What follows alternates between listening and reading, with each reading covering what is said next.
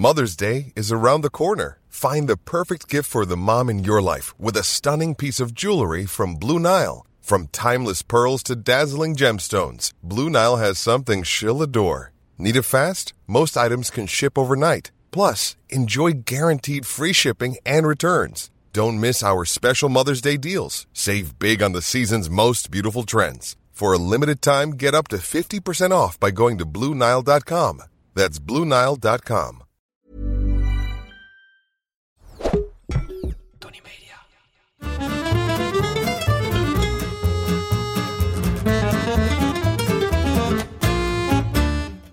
Ik ben Julius Jaspers en ik ben meer dan dol op eten. Iedere week pak ik één product uit mijn voorraadkast en zal jullie daar alles over vertellen. Vandaag is dat zonnebloemolie. Mijn persoonlijke klik, en daar begin ik eigenlijk altijd mee, en die ligt bij mij met zonnebloemolie vrij voor de hand. Want het is naast olijfolie de enige olie waar ik mee werk. Iedere dag, nooit niet. Ik koop het in jerrycans van 5 liter en vul er een werkfles mee die op mijn aanrecht staat. Ik ben van de opruimerige, ik haat troep, maar de olie staat naast het fornuis, want anders kan ik wel bezig blijven. Kleurloos, geurloos, smaakloos, allergieloos, eindeloos. Nee, echt prima spul. Bakken natuurlijk, want het kan een hoge temperatuur aan, terwijl bijvoorbeeld boter snel verbrandt. Mayo-achtige sausen ermee maken, want het is smakeloos, gaat ook geweldig. Want het heeft nogmaals geen smaak. En heb je wel eens een mayo geproefd van oude olijfolie? Dat wil je niet. Je kunt er ook geweldig op lage temperatuur in garen. Kom ik straks nog even op terug.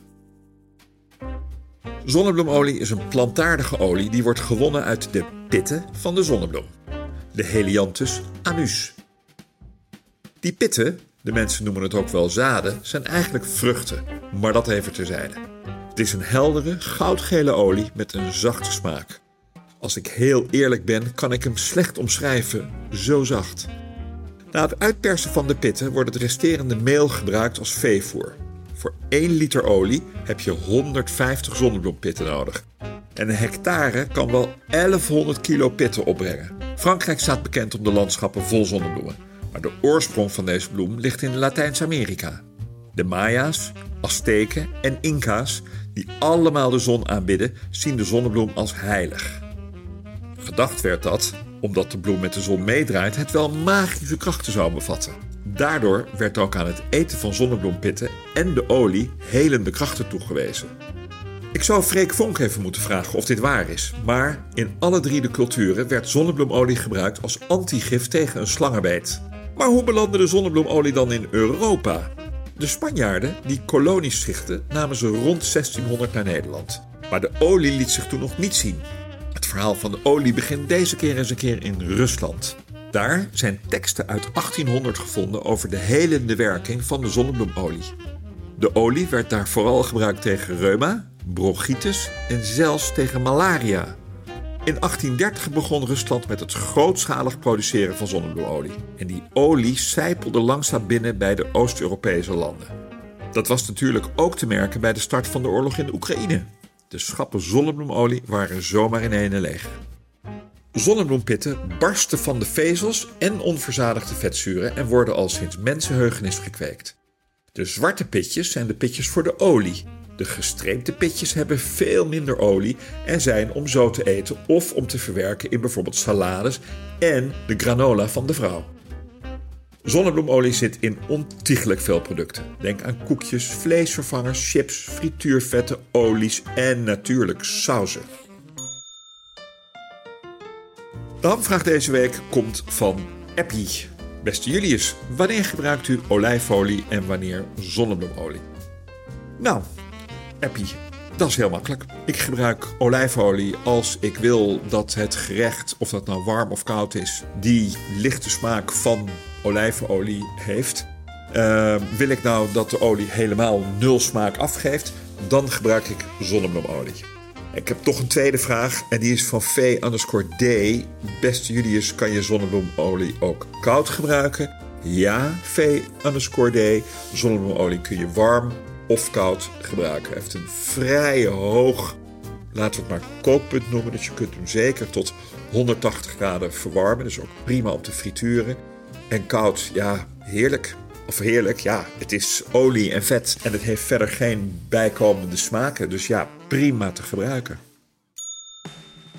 Zonnebloemen kweek je op zandgrond en zorg vooral dat het niet te nat wordt, want dan worden ze slap. Je oogst de bloemen als de zaden rijp en bruin worden. Dan knip je ze met 5 cm stijl af en hang je ze op in een geventileerde ruimte. Over het algemeen bloeit de bloem van juli tot oktober en dan vindt dus ook de oogst plaats. Zonnebloemen zijn eenjarige planten, wat betekent dat ze tegen de winter afsterven. Je hebt meerjarige, de zogenaamde vaste zonnebloemen. Die worden niet gebruikt voor de pitten en komen ieder jaar gewoon weer op. Voor het gemak, zeker nu de prijzen van zonnebloemolie zo onder druk staan, noem ik nog even wat vervangers voor het gele goud. Als niemand een pindaallergie heeft, kun je ook prima arachideolie gebruiken. Hetzelfde geldt voor sojaolie. Er is ook nog lijnzaadolie, koolzaadolie, rijstolie, maisolie, kokosolie. Alleen hebben al deze olies wel een klein smaakje. Sesamolie zou ik niet meteen gebruiken, want dat heeft een hele uitgesproken smaak. In veel bakrecepten kom je ook goed weg met gesmolten boter.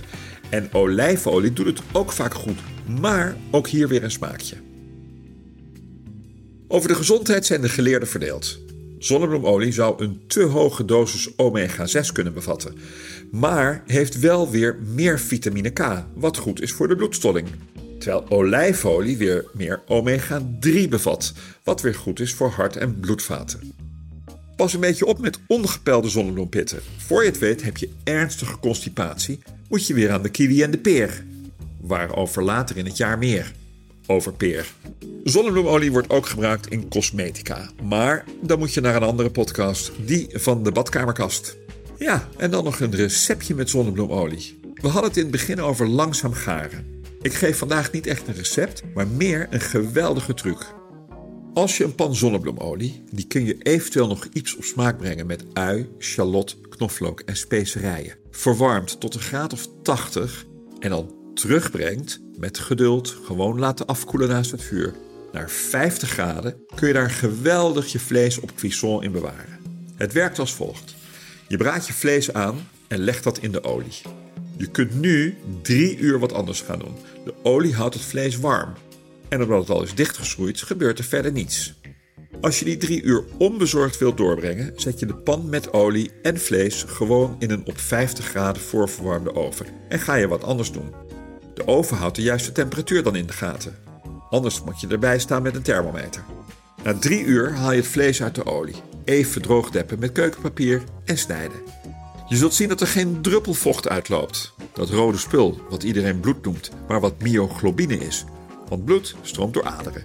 Dat het vlees onwijs sappig is en vooral lekker warm is. Zonder stress.